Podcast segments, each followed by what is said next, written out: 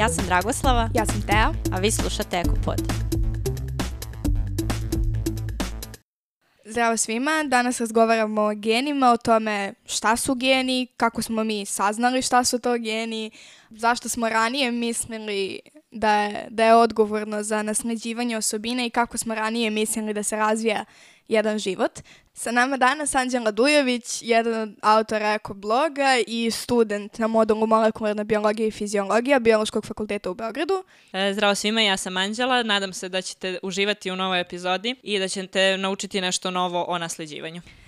Moj citat je Molekul je glamurozan, naučnici nisu. A to je rekao Francis Crick. E, ja ću citirati Bill Gatesa.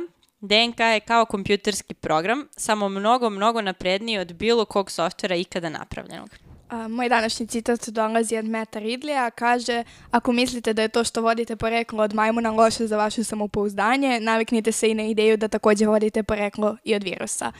Dakle, danas se bavimo nasleđivanjem i ono što je veoma interesantno jeste da su kroz istoriju postojala mnoga verovanja za koje danas znamo da su potpuno netačna vezano za to kako se nasleđuju osobine. Pa su čak ljudi davno, davno verovali da kada se rodi beba, ona zapravo ima pomešane osobine oca i majke. Dakle, ne znam, ima oči na majku, nos na tatu, pa su onda oni mislili, ok, dakle sada to znači da majka i otac svako da po nešto malo i to se izmeša i to je bukvalno lutrija kako će, kako će dete da izgleda. Uh, možemo reći da su bili delimično u pravu da jeste uh, potomak oca i majke ima osobine oba svoja roditelja, ali definitivno nisu znali šta je e, zapravo nosilac nasledne informacije i da su to nukleinske kiseline. Verovali, verovalo se da su u, ne, u nekim istraživanjima da su to proteini, međutim to je kasnije dokazano i to upravo na, na bakteriji Streptococcus pneumonije na kojoj je radio Griffith. Postoje patogeni i nepatogeni sojevi te bakterije, da prvo definišemo pojam patogenosti, to su oni sojevi koji izazivaju bolesti. Griffith je ustanovio da postoje patogeni sojevi koji imaju glatki omotač i nepatogeni sojevi iste bakterije koje imaju hrapavi omotač. Međutim, kada je pomešao patogene i nepatogene bakterije, odnosno nasledni materijal patogenih sa, sa kompletnim nepatogenim bakterijama, ustanovio je da i nepatogene bakterije postaju patogene, odnosno izazivači bolesti. Jedan od glavnih razloga što se upravo mislilo da su proteini ti koji nose nasledne informacije jeste što je DNK u odnosu na proteine mnogo manja i lakše je videti aparatima koji su tada bili dostupni dostupni, lakše je bilo videti proteine koji su i veći što se, što se mase tiče i prosto su bili uočljiviji tada.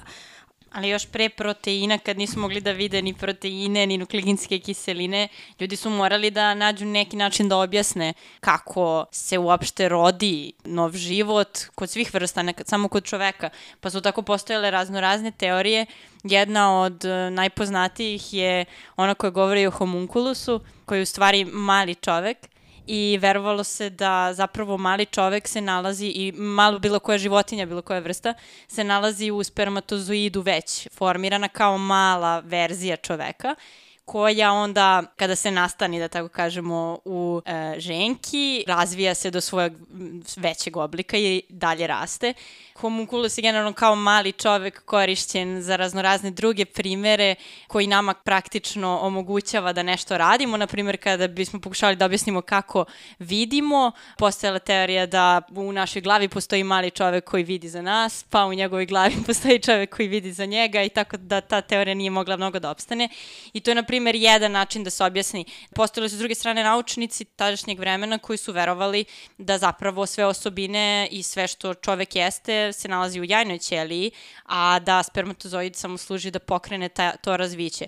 Tako da, dok su oni to verovali, paralelno su se dešavala neka još istraživanja koja nisu bila ni prihvaćena toliko, recimo Mendel. Pa da, uskoro je, uskoro je nekim istraživanjima i pokazano da naravno ne postoji mali čovek u, u svakom spermatozoidu, ali da je bitno ono što se i u spermatozoidu i u jajnoj ćeliji nalazi, a to su geni. E sada, geni kao osnovne, da kažemo, jedinice nasleđivanja nisu bili mnogo poznati do pre par stotina godina čak. Dakle, to je relativno, relativno bliska prošlost u kojoj je otkriveno da naše osobine zapravo zavise od skupova koje mi nazivamo genima. Pa sredinom 19. veka je Mendel e, zapravo prvi uočio tako nešto. Nije ni on znao još uvek šta su geni, nije ih tako ni nazvao, ali je shvatio da kad imamo dva roditelja, zapravo e, dete, da tako nazovemo sad, on je radio sa graškom, ali ajde,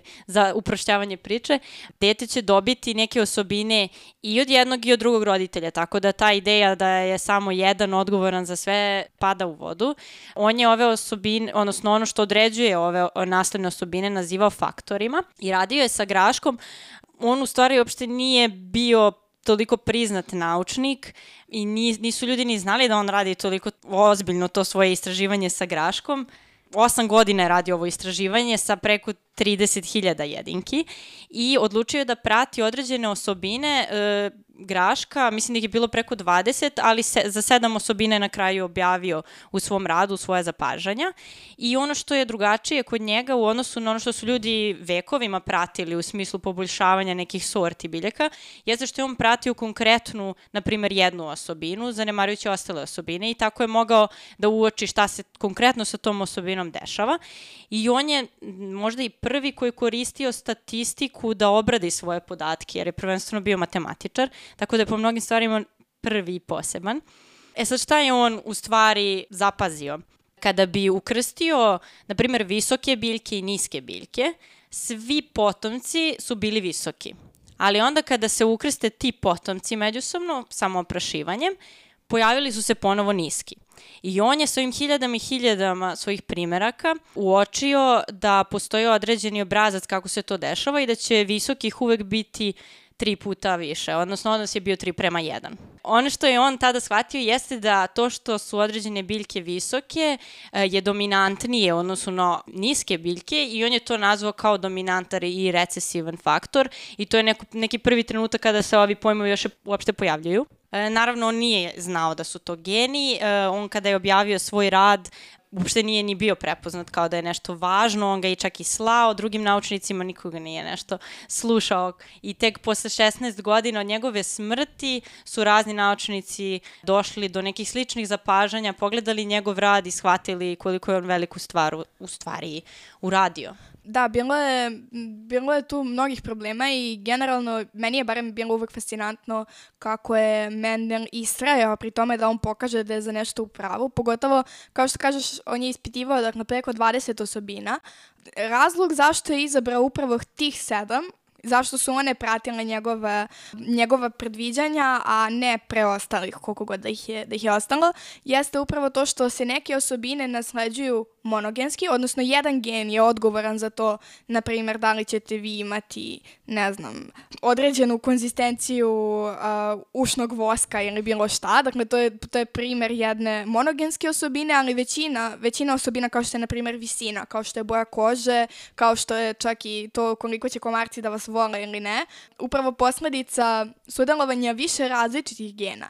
I upravo je to razlog što Mendel nije mogao neke osobine da objasni svojim matematičkim modelima, dakle to nije zato što je njegov model bio pogrešan u tom smislu, to je samo zato što nije uspevao da, da, da izabere one osobine odmah u početku koje će, koje će da budu nasleđivane tako kako je on očekivao. Međutim, za tih sedam, kao što su, e, kao što je Dada rekla, visina, e, oblik, e, oblik, oblik i boja mahune, mahune i boja semena i cveta.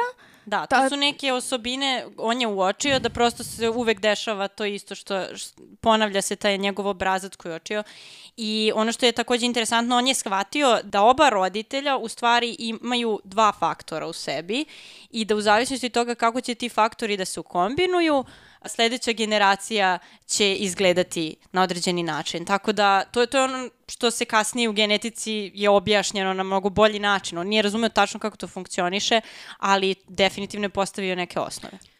Naravno da Mendel u tom momentu nije znao od čega su geni sačinjeni, da su u pitanju nukleinske kiseline, kao što smo već pomenuli, najpre se mislilo da su proteini nosioci nasledne informacije i onda su te predrasude razbijali, kao što sam, kao što sam već rekla, Griffith sa radom na nepatogenim i patogenim bakterijama, a zatim i Oswald Avery sa svojim saradnicima, a, gde su takođe radili na bakterijama i koristili su određene enzime, najpre proteaze koje uništavaju proteine i uočili su da bakterije zadržavaju patogenost i pored toga što su im proteini uništeni, a, međutim, kada su upotrebili e, drugu vrstu enzima, odnosno nukleaze koje a, uništavaju nukleinske kiseline, seku ih na manje delove, bakterije su gubile svoju patogenost, što je bio još jedan od dokaza da nasledna informacija zapravo nije u proteinima, nego u nukleinskim kiselinama, kao što je na kraju zaključeno da je to DNK kod ljudi, kod nekih virusa može biti i DNK i RNK. Razlika je u tome što je DNK dvolančani molekul, RNK je jednolančani molekul. Razlika u tome je što se u DNK nalazi šećer dezoksiriboza, a u molekulu RNK šećer riboza ustanovili su kasnije da je DNK mnogo stabilniji molekul od molekula RNK jako je bio interesantan i proces otkrivanja šta su to zapravo geni i kako uopšte izgleda ta DNK za koju mi sad znamo, onako zdravo za gotovo uzimamo to da znamo da su geni odgovorni za naš, da kažemo, izgled, za osobine koje nasleđujemo. Svi znamo negde, smo svi čuli za DNK i mislim da nisam jedina koja se, koja je pokušavala sa prijateljima ono, u sedmom razredu da kaže dezoksiribonukleinska kiselina da se ne saplete. Ove, ali kako, kako smo mi to sve saznali? Kako je došlo do toga da mi znamo kako ta DNK izgleda? Da, većina nas e, kada se pomene genetika, nasleđivanje, DNK u glavi ima tu dvolančanu zavojnicu koja je uprošćeno prikazana i na reklamama i na televiziji. Možda neki znaju i da, da su dvolančanu zavojnicu tako, takva kakva je otkrili James Watson i uh, Francis Crick međutim, oni nisu bili sami u svemu tome i mogu reći da su oni preuzeli sve zasluge tog nekog krajnjeg istraživanja, a svakako postoje i drugi naučnici koji su za sve to zaslužni. Morris Wilkins i Rosalind Franklin su se bavili rentgenskom kristalografijom. Najprostije objašnjenje rentgenske kristalografije je to da treba da odredite oblik nečega što čak ni ne vidite, kao, kao da treba da odredite oblik kocke koja, koju ne možete ni da vidite, prosto su u pitanju mikroskopske veličine veličine. Uh, Wilkins i Franklinova su se time upravo bavili. Radili su odvojeno na istraživanjima. Uh, Morris Wilkins je najpre mislio da će Rosalind Franklin biti njegov asistent, međutim ona je došla na institut kao već formirani naučnik i kao neko ko je bio sposoban da sam radi na istraživanjima. Naravno, tu je bio prisutan i uh, određen stepen rivaliteta. Oboje su radili na istom istraživanju, ali su, kao što sam već rekla, bio je prisutan određen stepen rivaliteta i prosto su se takmičili ko će predoći rezu, do rezultata. Rosalind Franklin je bila nešto uspešnija u tome i jako se ljutila kada neko osim nje tumači njene rengenske snimke. Uh, ona je uspela da napravi rengenski snimak DNK zavojnice, međutim nije baš polazilo za rukom da dešifruje šta se tačno nalazi na tom snimku. Uh, svoj rad je predstavila na jednom kongresu gde je učestvovao James Watson i on je onako bio vrlo ambiciozan i nije želeo da, da svoju karijeru završi kao eto tako neki naučnik, nego je prosto želeo da otkrije nešto revolucionarno. Sarađivao je sa Francisom Crickom i njih dvojica su pokušali da ostvare i neku saradnju sa Rosalind Franklin, međutim Nije ona bila baš raspoložena za tu saradnju, ali su na kraju oni došli u, u posed tih njenih snimaka i bavili su se aktivno da istraže kako, kako funkcioniše dvolančana zavojnica, šta je tu povezano, šta je tu odgovorno za stabilnost. Naravno, posle nekog vremena su i dešifrovali njen kristalografski snimak, zaključili su da su u pitanju dva lanca DNK, da su, da su spareni po principu komplementarnosti za koju su odgovorne azotne baze purinske i pirimidinske koje se nalaze i u jednom i u drugom lancu. Purinska baza jednog lanca se povezuje vodoničnim vezama sa pirimidinskom bazom drugog lanca i prosto se ta zavojnica uvija na desno, kažemo da je to desnogira zavojnica. Watson i Crick su svoj rad objavili u časopisu Nature, Uz njihov rad objavljen je i rad Rosalind Franklin kao i njen kristalografski snimak DNK zavojnice. Međutim, nekako sve zasluge su primili e, Watson i Crick, dok je negde e, Rosalind Franklin ostala u senci. Watson i Crick su čak dobili i Nobelovu nagradu za, za svoj rad, dok e, Rosalind Franklin to nije mogla jer je već bila preminula u tom trenutku. Poznat je svima taj snimak Rosalind Franklin pod brojem 51 koji je doprineo uh, Watsonovom i Crickovom razumevanju toga kako izgleda zapravo DNK i priča se, mada nije 100% sigurno, da upravo oko tog kongresa je nastala, nastalo njihovo interesovanje za njen rad i da su, kako su oni zapravo došli do toga da ona možda zna nešto što oni ne znaju. Govori se da su Watson i Crick već imali neki svoj model uh, za strukturu DNK, međutim da je ona njima došla i rekla, dobro ljudi, ali kao to ne može tako, to ne funkcioniše, to nije dobro, ali nije htjela da im kaže zašto i onda su se oni malo zabrinuli oko toga šta ona zna što mi ne znamo i na kraju su preko jednog od njenih asistenata došli u posed tog snimka i to je zapravo neki, da kažemo, detalj istorije koji se tako prepričava, za koji nismo sigurni da li je tako, tako baš bilo sve ovaj, kako, se, kako se priča, ali svakako je interesantna, interesantna jedna pričica. A, znam da je na tom kongresu gde je Rosalind Franklin predstavljala svoj rad, Rosalind pokazala tu svoju kristalografiju, pa može se reći i na moment samo, što je uh, Watsona dodatno intrigiralo da on nastavi to istraživanje, da se upusti u sve to uh, i da ostvari svoj san da postane poznati naučnik koji je došao do nekog revolucionarnog otkrića.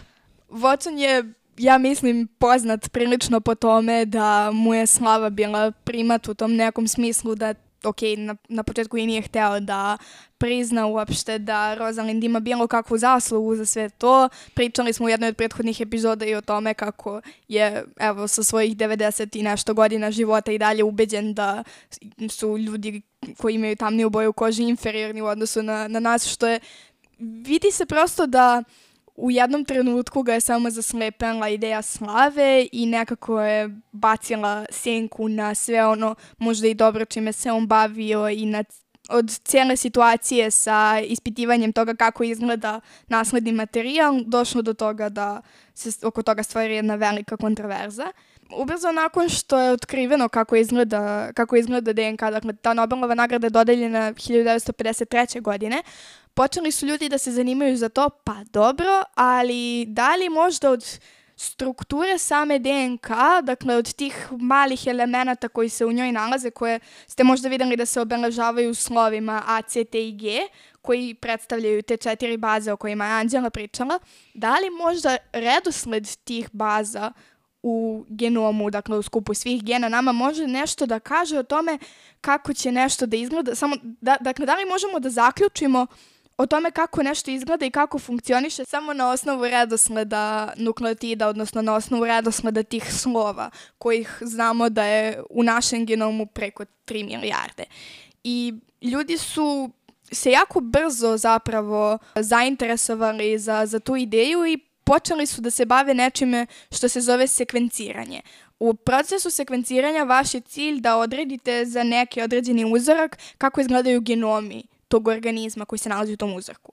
I naravno negde glavni cilj je bio hajde da mi sekvenciramo ljudski genom i da znamo kako izgleda prosečan čovek genetički ovaj, govoreći i ta ideja nije baš mogla odmah da se izvede, prvo zato što nije postojala dovoljno razvijena tehnologija koja bi tako nešto omogućila, ali jedna od, da kažemo, prvih tehnologija koja je dala neku nadu da ipak možemo da sekvenciramo genome jeste bila Sangerova metoda sekvenciranja. Ubrzo je bilo veoma jasno da je jako sporo i jako skupo. Zahtevalo je i upotrebu gelova koji su mogli da budu samo određene dužine i ukoliko ne biste imali ono gel od nekoliko kilometara, verovatno ne biste mogli da sekvencirate ni žabu, a kamoli čoveka. I onda su ljudi shvatili da mora nekako da se radi na, na razviću tehnologija koje će omogućiti brže sekvenciranje, sekvenciranje veće količine podataka i bilo je, bilo je neophodno napraviti pomak kako bi moglo da se sekvencira ljudski genom. I to je rezultovalo u stvaranju nečega što se zove projekat ljudskog genoma, odnosno Human Genome Project, koji je okupio veliki broj naučnika instituta iz celog sveta koji su pokušavali da sekvenciraju ceo ljudski genom i projekat je, mislim, trajao nekih 30 godina. Između ostalog su se tu dešavale i različite vrste napretka kako u tehnologijama sekvenciranja koje su sada omogućavale da vi isackate genom na manje parčiće pa da te manje parčiće sekvencirate do toga da je došlo do novog izuma zvanog PCR koji je zapravo mašina u kojoj vi možete da uz prisustvo enzima i temperature i nukleotida da napravite mnogo kopija jednog istog genetičkog elementa i da onda ga samim tim lakše sekvencirate jer imate jači signal i konačno neke prve rezultate ljudskog, e, projekta ljudskog genoma videli smo 2001. godine, mada je on kompletiran 2003. tek, tu je isto postojalo mnogo nekih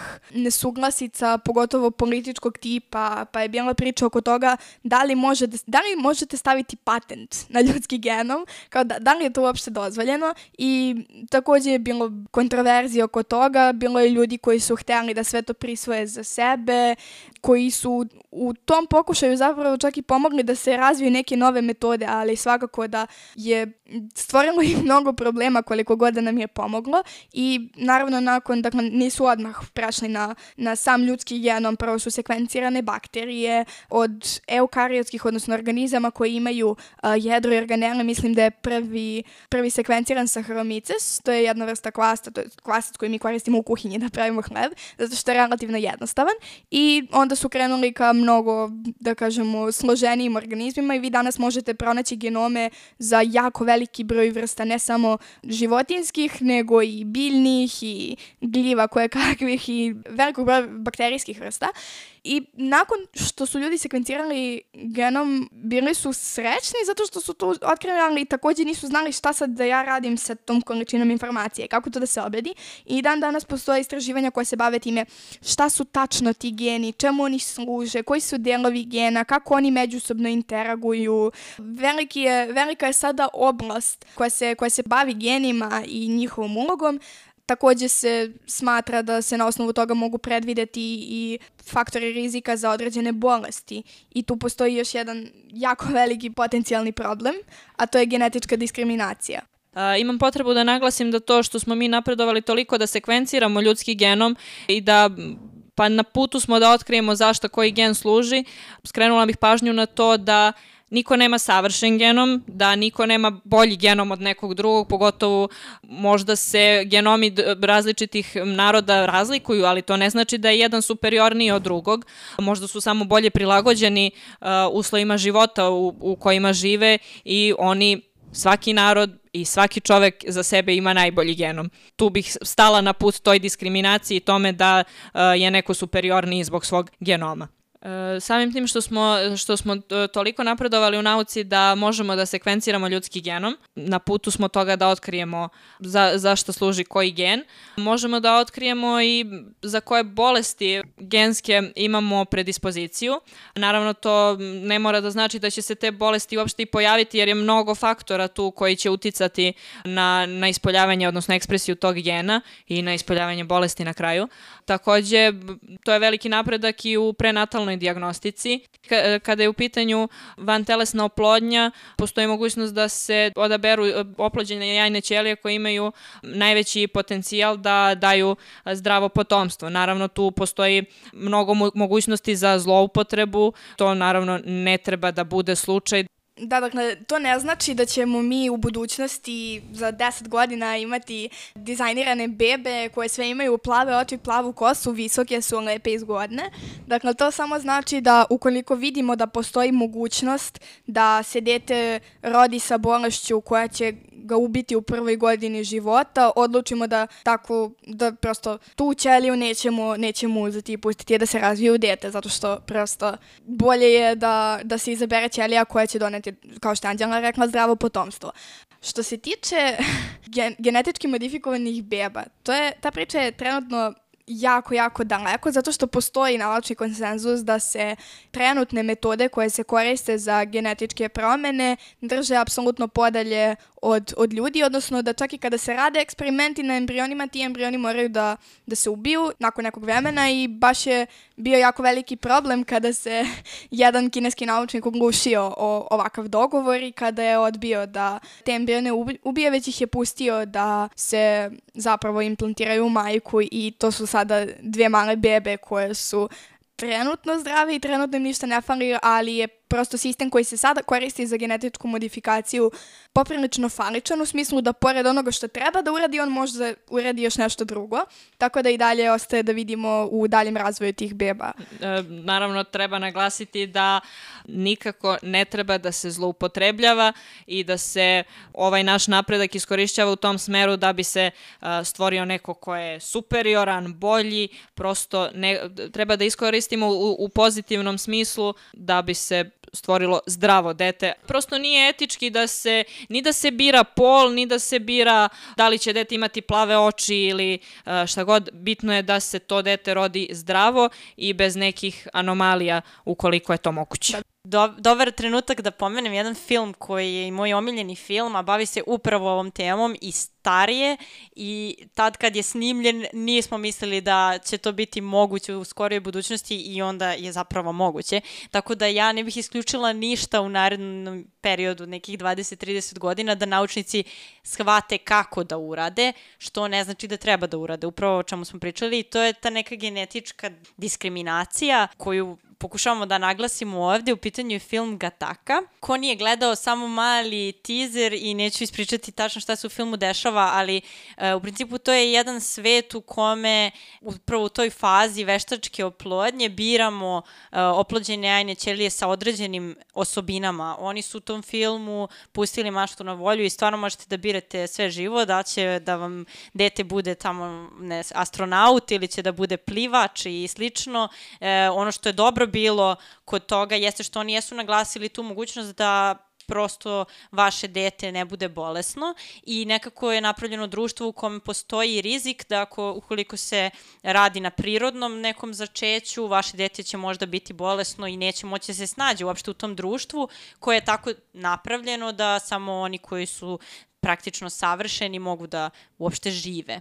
Preporuka za taj film, jer to jeste jedan film koji nam pokazuje koliko je to loše, u stvari koliko je neodrživo, pogrešno i ja se stvarno nadam da će svi zakoni koji budu pravljeni u budućnosti, da će sva naučna dostignuća do kojih budemo došli e, biti samo u nekako u cilju poboljšanja našeg snalaženja na ovoj planeti i našeg zdravlja, a ne diskriminacije i ne neke zloupotrebe zarad određenog broja ljudi.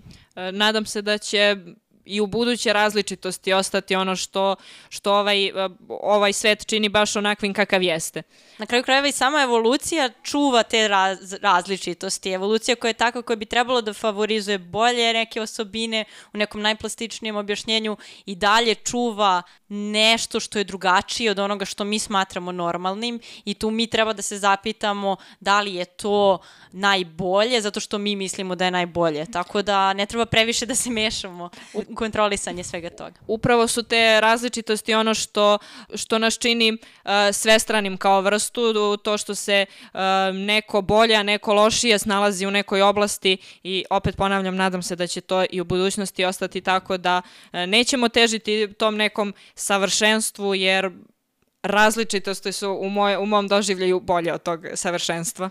Slažem se potpuno i pomenula bih samo još jednu stvar vezano za, za taj diversitet. Upravo nakon što je završen projekat ljudskog genoma, bilo je pokušaja da se on nastavi kao projekat koji će, pošto projekat ljudskog genoma je bio vezan za da li desetak ili nekoliko desetina genoma, koji svakako nisu reprezentativni za cijelu ljudsku populaciju i svakako da su to uglavnom bili, da kažemo, beli ljudi iz Evrope, mislim, ono, tipično ono što bi interesovalo nas kao Evropu, kao i Ameriku, naravno kao prosto uh, sila njima je važno da budu predstavljeni prosto njihovi ljudi i samim tim je manja, manje, manje bilo prisustvo genoma poreklom od ljudi koji su na neki način različiti, što je opet da kažemo neki vid diskriminacije. I bilo je pokušaja da se to promeni tako što će biti uh, sproveden jedan projekat koji za cilj ima da naglasi važnost diverziteta i koji će se baviti zapravo diverzitetom koji postoji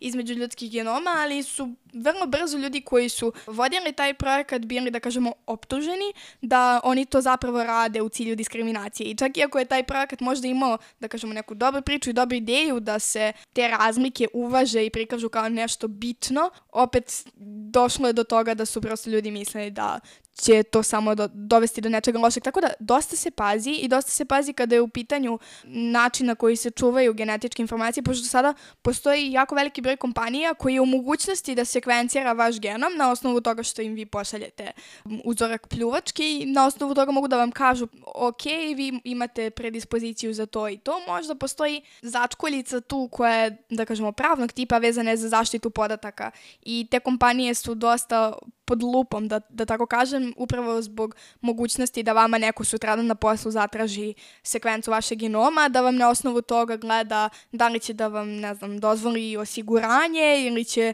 da vas zaposli samo na osnovu toga da li vi imate falične gene. I cijela ta priča sa, sa, sa genomima i sa genetičkom diskriminacijom je dosta teška. I dosta je nešto na što nismo navikli, nešto što nismo očekivali i mislim da treba da razmišljamo o tome, ne u nekom apokaliptičnom smislu, ja sad ćemo mi svi da ovaj, budemo diskriminisani zato što, ne znam, imam uh, predispoziciju za neku bolest, nego prosto mislim da treba razmišljati o tome kao o realnom problemu koji će nas sve pre ili kasnije najverovatnije snaći i da to samo treba imati u glavi kao mi možemo da budemo protiv toga i da, to jeste loše, ali to ne znači da se tako nešto neće, neće desiti. Moguće je i samo treba voditi računa. Tako da genetičke modifikacije na ljudima ne, još uvek ne, ali ono što se, da kažemo, već godinama radi, da toga na neki način nismo bili ni svesni, prvo se radilo veštačkom selekcijom, sad se već radi malo, podve, malo imamo veću kontrolu nad time, jeste genetička modifikacija kada je u pitanju hrana, pa da do koliko je GMO strašan i opasan?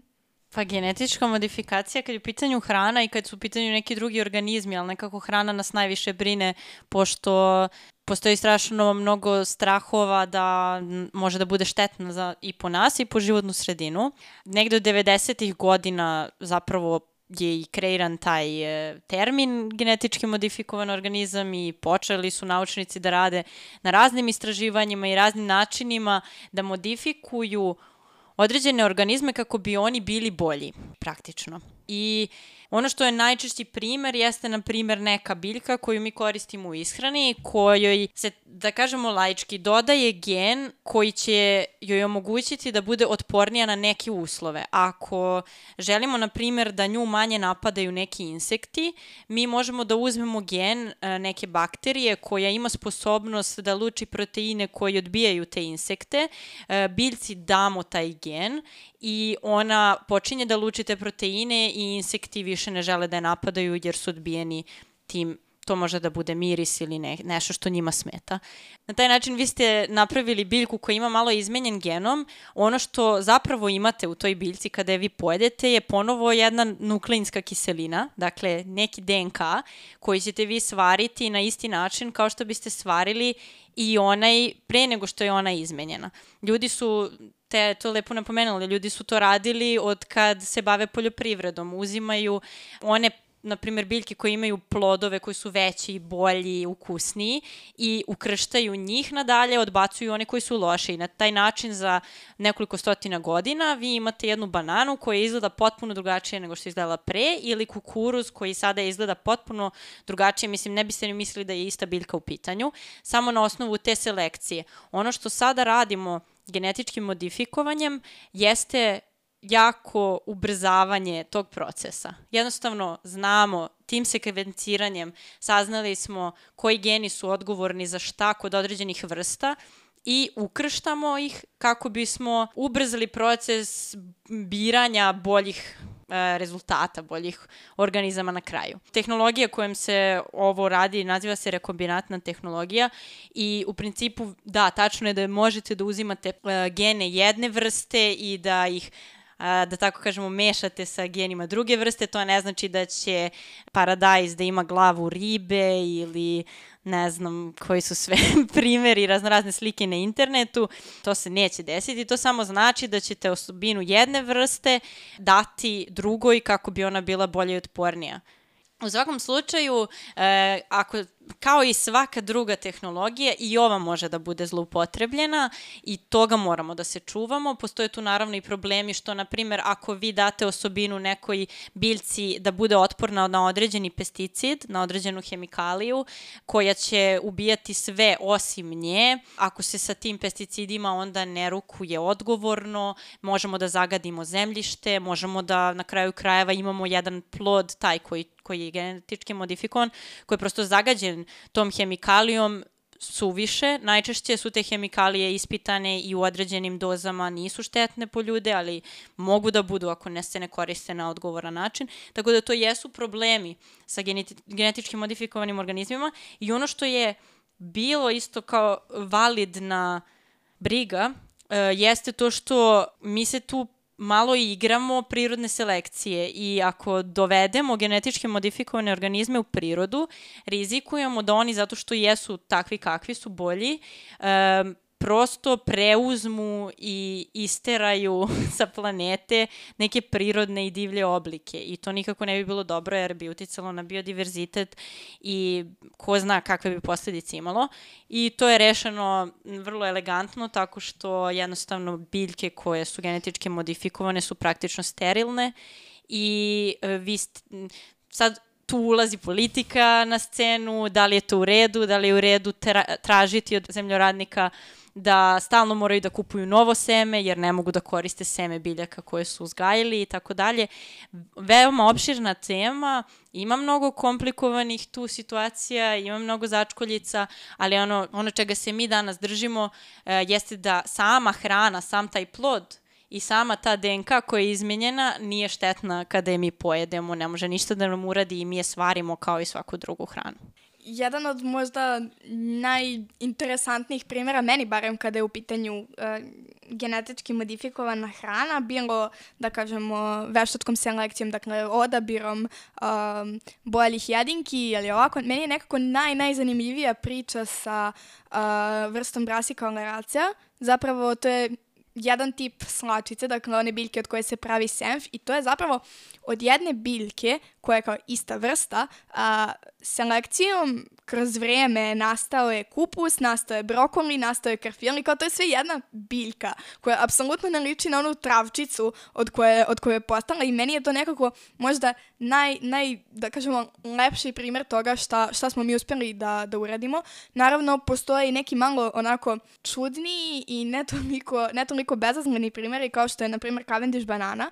Ove, za nju je karakteristično, to je dakle ona banana koju svi znamo i jedemo, postoji mnogo naravno više vrsta banana koje su karakteristične za neke dalje predele, za ostravske predele, za istočne predele prosto koje su bile u stanju da prežive, ali Cavendish banana kao jedna, da kažemo, relativno otporna, otporna sorta banana bila je korišćena jako i u Evropi i u Americi i problem sa tim, sa tom sortom jeste zato što su sve njene jedinke genetički identične potpuno identične i to znači da mi nemamo onaj diverzitet o kojem smo pričali. I skoro je bio jako veliki problem da smo mi zamalo ostali bez tih naših banana zato što se desilo da se pojavio neki patogen koji je napadao baš tu bananu i kako nema diverziteta, nema jedinki koje to mogu da prežive, onda je bilo pitanje da li ćemo ostati bez banane. Kasnije se razvio, da kažem, lek protiv tog patogena koji je zaštitio banane i onda je ponovo došao novi patogen i tako sve ide u krug. Mi pokušamo da zaštitimo bananu, a u stvari problem je u tome što ne postoji diverzitet i to je To bi se desilo i sa ljudima. Kao, zamislite da smo svi mi apsolutno genetički identični i svi smo mi podložni tome da jako opasno obolimo od infekcije koronavirusom. I onda dođe koronavirus i onda vi nemate više ljude. Kao, to bi, to bi se desilo da smo svi isti. To čak može da bude posljedica i genetičke diskriminacije. Dakle, samo treba u tom pravcu da razmišljamo. Ukoliko smo mi svi isti, to jako loše, evolutivno, jako veliki problem i upravo se u, u tim razlikama se ogleda i naša moć kao čovečanstva da preživimo sve i svašta, a preživali smo sve i svašta. Jedna od možda naj interesantnijih razlika koje postoje između ljudi jesu takozvani snipovi ili single nucleotide polymorphisms i to su pojedinačni nukleotidi koji su na nekim genima između ljudi različiti. Na primer, postoji neka sekvenca, neki gen i većina ljudi na tom mestu ima adenin, ali eto 10% ljudi na tom mestu će imati iz nekog razloga guanin. I ti ljudi će možda biti ili podložni nekoj bolesti ili će biti otporniji na neku bolest ili će imati neku mutaciju koja, na primjer, sprečava da prosto imaju neko stanje kao što postoje neke mutacije koje su odgovorne uh, za otpornost na uh, HIV. Dakle, prosto to je specifična jedna mutacija, specifično jedno slovo na jednom mestu za koje mi znamo da kada je tu, onda smo mi kao, kao jedinka otporne na HIV. I kako se uopšte zaključi da je neki tak, da je jedno slovo od tih 3 milijarde zaduženo za nešto. Tu se rade, to se zove Genome Wide Association Study, odnosno studija koja obuhvata veliki broj različitih genoma i upravo traži te snipove, upravo traži ta mala izmenjena slova kod ljudi koji imaju neko oboljenje i kod ljudi koji nemaju neko oboljenje. Znači vi uzmete veliki broj ljudi sa oboljenjem, veliki broj ljudi bez oboljenja i onda gledate da li postoje neki snipovi koji su karakteristični karakteristična razlika između jedne i druge grupe. I u velikom broju slučajeva, dakle, takve studije, to su, to su baš velike studije koje prave jako veliku količinu podataka, vi na osnovu tih podataka, znači vi, vi ćete da dobijete, ok, uh, postoji toliko i toliko posto šansa da osoba koja ima tu i tu mutaciju na tom i tom mestu ima tu i tu bolest. I onda vi uzimate dalje sa tim podatkom radite šta, dakle to je neka, in, neka indikacija da možete da pogledate taj gen i da radite eksperimente sa njim na da li bakterijama, da li nekim drugim životinjama, da vidite kako to izgleda, da li na samo ćelijskim linijama, nebitno da vidite kako to izgleda i da na osnovu toga probate da zaključite ok, da li je ovo samo slučajnost ili ovo ima neke veze sa mojim oboljenjem, što je zapravo jako fascinantno da vi na osnovu jednog slova možete to da zaključite. Naravno, ove studije nisu ono finalna stvar, one samo služe da od milijardi snipova koliko vi možete da, da izaberete, dobijete kratku listu, mislim kratku od stotinak i nešto mjesta, na kojoj možete da da vidite dobro, možda neki od ovih gena ovaj, može da bude odgovoran za ono što ja hoću. Meni je to bilo jako, jako fascinantno, pogotovo zato što se bavi tom temom. Dakle, šta je tačno to što je nasledno? I šta je to što je zasluga gena, šta je to što je zasluga okoline? Mislim, to je ta čuvena nature versus nurture debata koja se vodi već, evo, godinama i decenijama i ono, vekovima, a to je šta je tačno do gena, šta je do prosto našeg okruženja, a šta je do toga kako naše okruženje interaguje sa našim genima. To je se razvila cijela grana koja se naziva epigenetika, znači iznad genetike, kako naše okruženje utiče na naš genom, pošto se dešava, naravno ne dolazi uvek do mutacija, ali može da se desi da, na primjer, na nekom mestu dođe da se zakači a, postoje enzimi koji to rade, koje kače ili skidaju neke grupe i u zavisnosti od toga se menja da li će taj gen da bude aktivan ili neće. Dakle, to je da kažemo ta, ta interakcija i pitanje je prosto do koje mere mi možemo da kažemo da je nešto nasledno. S tim u vezi, ajde da se malo sad pozabavimo jednom stvari za koju mi svi, da kažemo, mislimo da je nasledna i da je to uvek tako, a to je pol. Dakle, navikli smo da je pol proizvod toga da li ti imaš XY ili imaš XX, šta je, koje su još moguće kombinacije, da li je kod svih organizama tako i kako, kako to uopšte u živom svetu inače funkcioniše? E, da, znamo da je kod ljudi e, pol hromozomski determinisan. U jednoj našoj ćeliji postoji postoji dvolančana zavojnica DNK koja je duga 2 metra. I sad zamislite da, da 2 metra nečega treba da upakujete u jednu uh, malu ćeliju od samo nekoliko mikrometara. Tu pomoć pristižu proteini uh, sa kojima se DNK udružuje i sve se to lepo spakuje u jednu ćeliju. I sad u svakoj našoj ćeliji koja je, da kažemo, somatska ćelija. Somatske ćelije su ćelije kože, jetre, e, ćelije creva i postoji 46 hromozoma.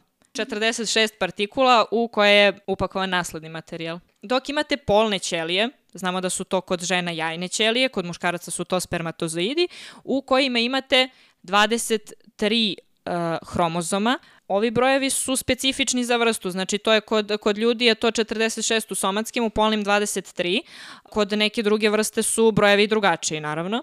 Kao što sam već rekla, znači u jajnim ćelijama imate 23 hromozoma, u spermatozoidima imate 23 hromozoma. E sad, uh, jedan od tih 23 hromozoma u spermatozoidima je Y hromozom dok je uh, jedan od 23 hromozoma u jajnoj ćeliji X hromozom. Sve jajne ćelije imaju X hromozom, kod spermatozoida je nešto drugačije. Polovina spermatozoida ima Y hromozom, a druga polovina spermatozoida ima X hromozom. E sada, pol zavisi od toga kojim spermatozoidom će biti oplođena jajna ćelija. Ako je jajna ćelija oplođena, oplođena spermatozoidom koji sadrži Y hromozom, pol deteta će biti muški. Ako je spermatozoid koji je oplodio jajnu ćeliju nosio X hromozom, pol deteta će biti ženski. Znači to je da, da razbijemo sve one predrasude o tome ko je odgovoran za pol. Zapravo niko nije odgovoran za pol, prosto je a, u pitanju slučajnost.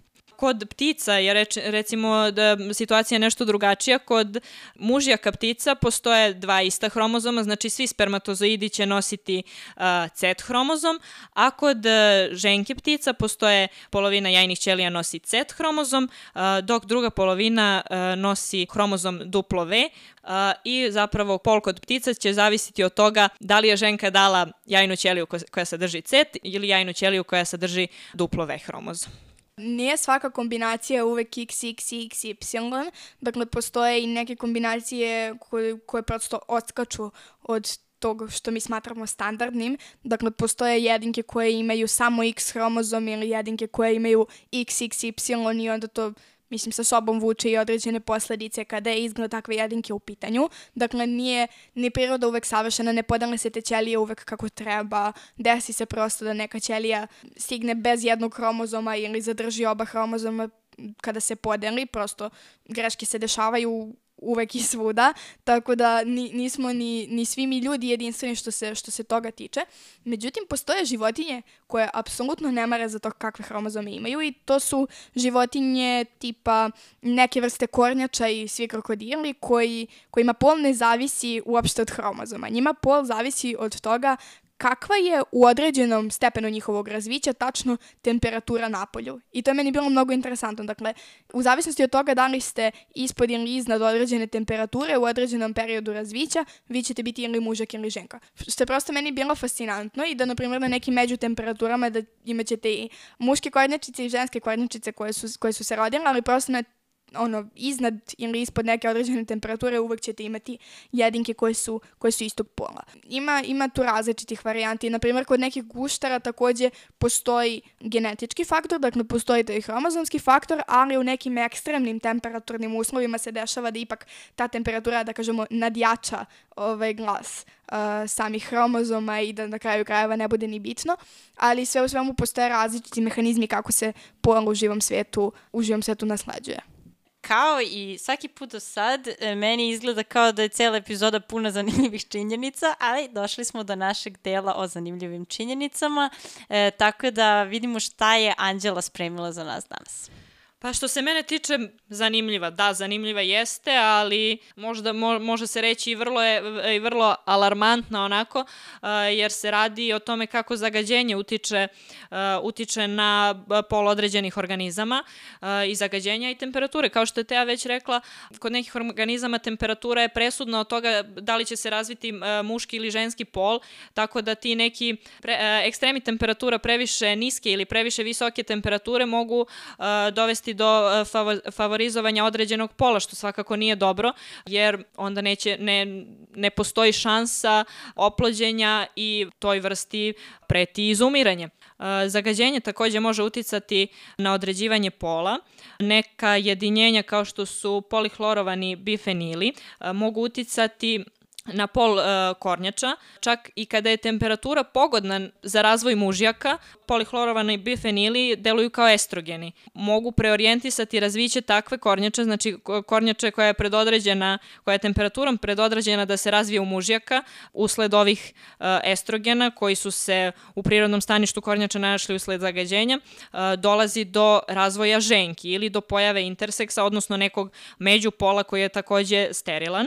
Nešto slično ovome se E, dešava i žabama. E, veštački estrogeni koji se nalaze u kontraceptivnim tabletama koje su u potrebi, otpadnim vodama e, dospevaju u staništa žaba gde se dešava, kao i kod kornjača, mužjaci mogu postati ženke, ali ne potpuno uh, reproduktivne sposobne ženke, takođe mogu, može doći i do pojave to, tog nekog međupola koji je takođe sterilan uh, i opet dolazimo do onog problema nemogućnosti nastavka te vrste i nemogućnosti reprodukcije. A, tako da treba uvek da imamo na umu da zagađenje pravi veoma veliki problem ne samo a, nama, već i drugim vrstama i treba da obratimo pažnju na svoje ponašanje. Postavlja se i pitanje zašto, na primjer, neko ne bi napravio neki biofilter koji će sve to da, jel te, očisti, zato što zašto mi takvu stvar nemamo? Zašto ako znamo da se svi ti hormoni tako tek bacaju u WC šolju i dolaze prosto do, do otpadnih voda, zašto se to ne prečisti pre nego što se baci u reku i odgovor na to jeste zapravo da biofiltere generalno čine i populacije bakterija koje razgrađuju određenu, određenu substancu koja je nama problematična, ali prosto za estrogene ne postoji, to je za uopšte steroidna jedinjenja ne postoji nešto što bi njih moglo da... Ne postoji bakterija koja se time hrani, prosto. Ne postoji bakterija koju mi možemo da damo hormon i da ona to tako pojede i da to ne pravi problem uopšte.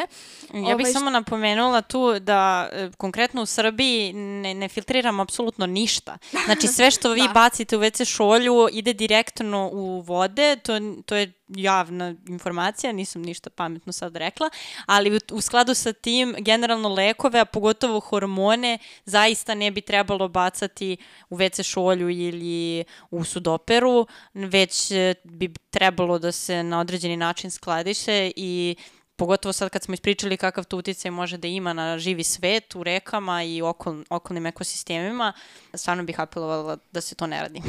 Da, pa bakterije, iako, iako nisu u stanju da, da razlože hormone i da, se, da nam na taj način pomognu, one imaju neke druge, da kažemo, supermoći i ono što bakterije mogu međusobno da rade, a po čemu, po čemu su možda i naj, najpoznatije, jeste da e, razmenjuju gene. Dakle, da jedna bakterija koja ima neki gen, konkretno za rezistenciju, na primjer, na antibiotike, može taj gen različitim mehanizmima, da kažemo, da ustupi uh, drugoj bakteriji, pri čemu može i ne mora taj gen zadržati za sebe, zavisno od toga kakav je mehanizam u pitanju. I ova, ova pojava se naziva horizontalni transfer gena, dakle, to je transfer gena ne sa roditelja na potomstvo, nego između dve jedinke, koje mogu i čak ne moraju da pripadaju istoj vrsti, rodu ili čak istom istom carstvu života, što je, što je fascinantno. Dakle, postoje primjeri kada bakterije uzimaju genetički materijal od bilo koje druge vrste, dakle, zato što u nekim slučajevima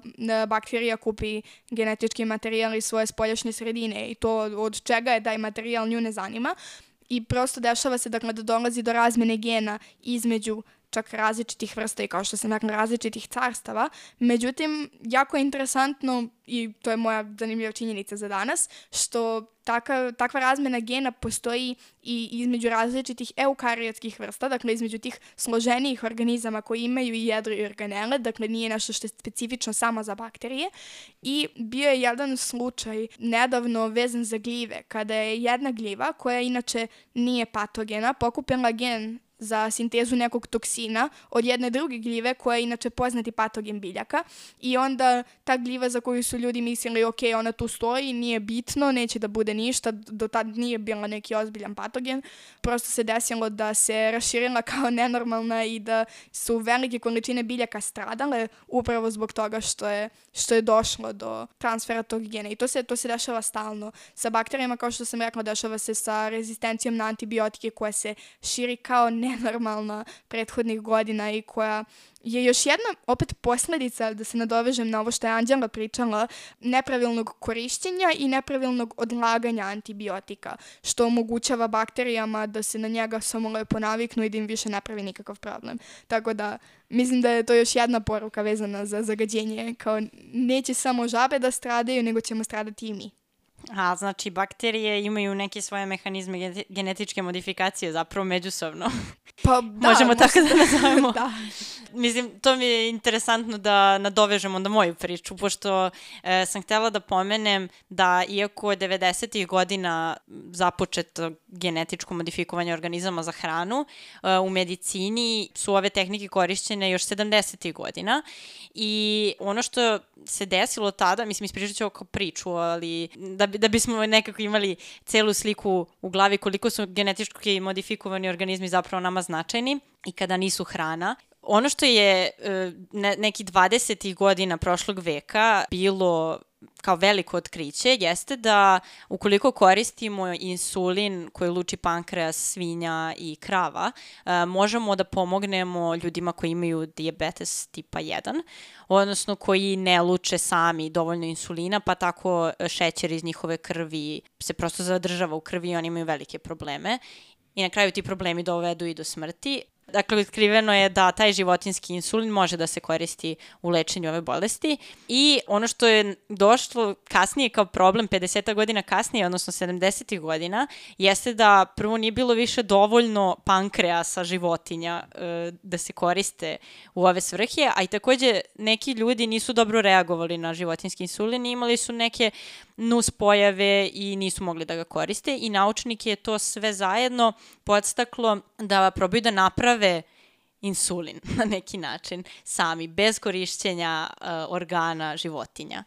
I ono što su oni uradili jeste da su uh, uzeli bakteriju Iz nje su izvadili delić e, DNK, izmenili su ga tako da su joj dali gen koji, koji je odgovoran za lučenje insulina kod svinje i onda u novu bakteriju vratili taj tako izmenjeni gen. Ta nova bakterija je imala sposobnost da luči insulin. E, oni su radili sa nepatogenim sojevima Escherichia coli, e, jer je ova bakterija se inače koristi kao model organizama jako dobro izučena i e, zapravo su uspeli da dobiju jednu bakteriju koja sada luči insulin insulin. Taj insulin e, je odobren za korišćenje 82. i zapravo se ispostavilo da ljudi koji su imali loše reakcije na životinski insulin, na ovaj ovako sintetski, e, nisu imali loše reakcije i dan danas e, ga koristimo upravo dobijenog na ovaj način, ovom rekombinantnom tehnologijom. Tako da genetička modifikacija je nešto fenomenalno u ovom slučaju, omogućava mnogim ljudima da žive potpuno normalno i od tada su razni lekovi na ovaj način sintetisani lekovi koji se koriste u lečenju artritisa, hemofilije, različitih epinapada i slično. Pa ništa, to bi bilo naše zanimljive činjenice za, za ovu epizodu. Podsjećam vas da možete glasati nakon svake odgledane, odslušane epizode na, na Patreonu našem, za to koja vam je koja vam je činjenica bila najinteresantnija od, od ovih i samo mali podsjetnik da se da da ja takmičim u tome ko će tokom sezone imati a, najzanimljivije činjenice i nakon određene devete epizode sabraćemo zapravo sve, sve glasove tokom, tokom cijele prve sezone. I ono što smo se dogovorila, a to je da će onaj ko izgubi, odnosno ko bude imao manje pojene na kraju same sezone, morati da pročita knjigu po izboru druge osobe i da je u specijalnoj bonus epizodi na kraju svake sezone predstavi i da ispriča nešto o njoj kako bi možda podstakla još nekoga da, da je pročita. Dakle, u pitanju će biti mahom knjige koje su vezane za teme kojima se bavimo, pokušat ćemo da ih održimo na, na tom nivou. Ne nužno uvek naučna fantastika, možda čak i neka, da kažemo, nefikcija, dakle neka knjiga koja se ne bavi pričanjem priča, nego se prosto bavi ispitivanjem određene teme i imaće zadatak da je, da je predstavi na najbolji mogući način. Kad smo već kod knjiga, Anđela i ja za vas imamo dva predloga. Šta biste to mogli da pročitate ukoliko vas ovako nešto zanima? Nadam se da će u ovoj uh, opkladi učestvovati i knjiga koju ja imam da preporučim, a to je knjiga Gen, intimna istorija, a napisao je Siddhartha Mukherjee.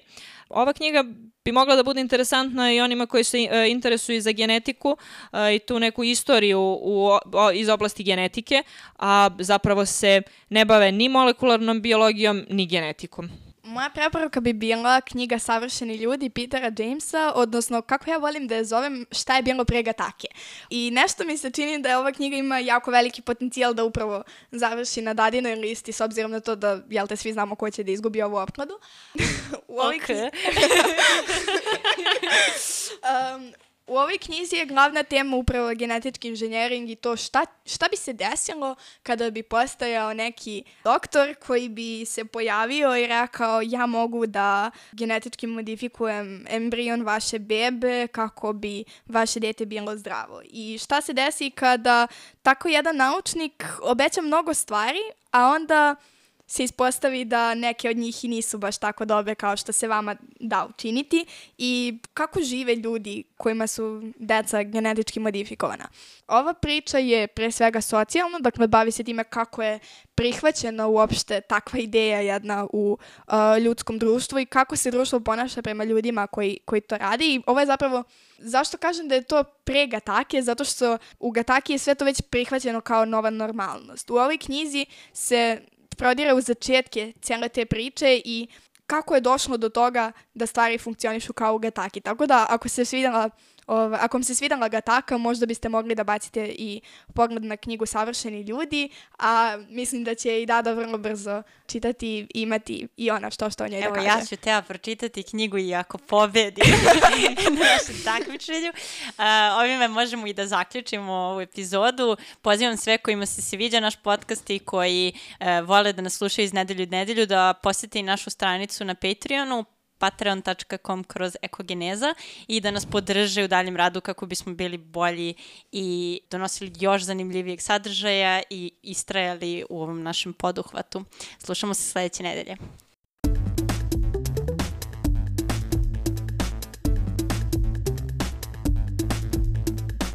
Ne ovaj. Ne sviđa mi se. Nema veze, Nema veze, ja moram iz početka. Očulo. Verovatno da se čuo.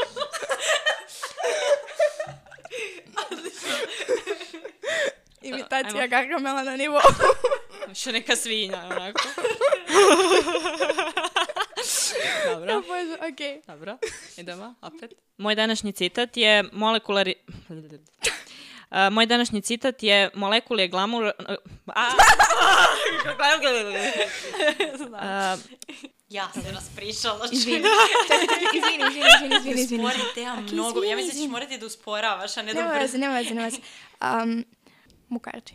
Siddhartha Mukherjee. Muk, Mukherjee. Mukarči. Si, bože, bože, ja ne znam ni da čitam.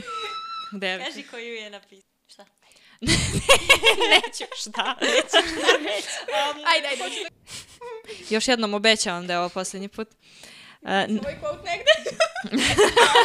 To ja stalno kažem, ovo je posljednje. Siddhartha Mukherjee. Dobro.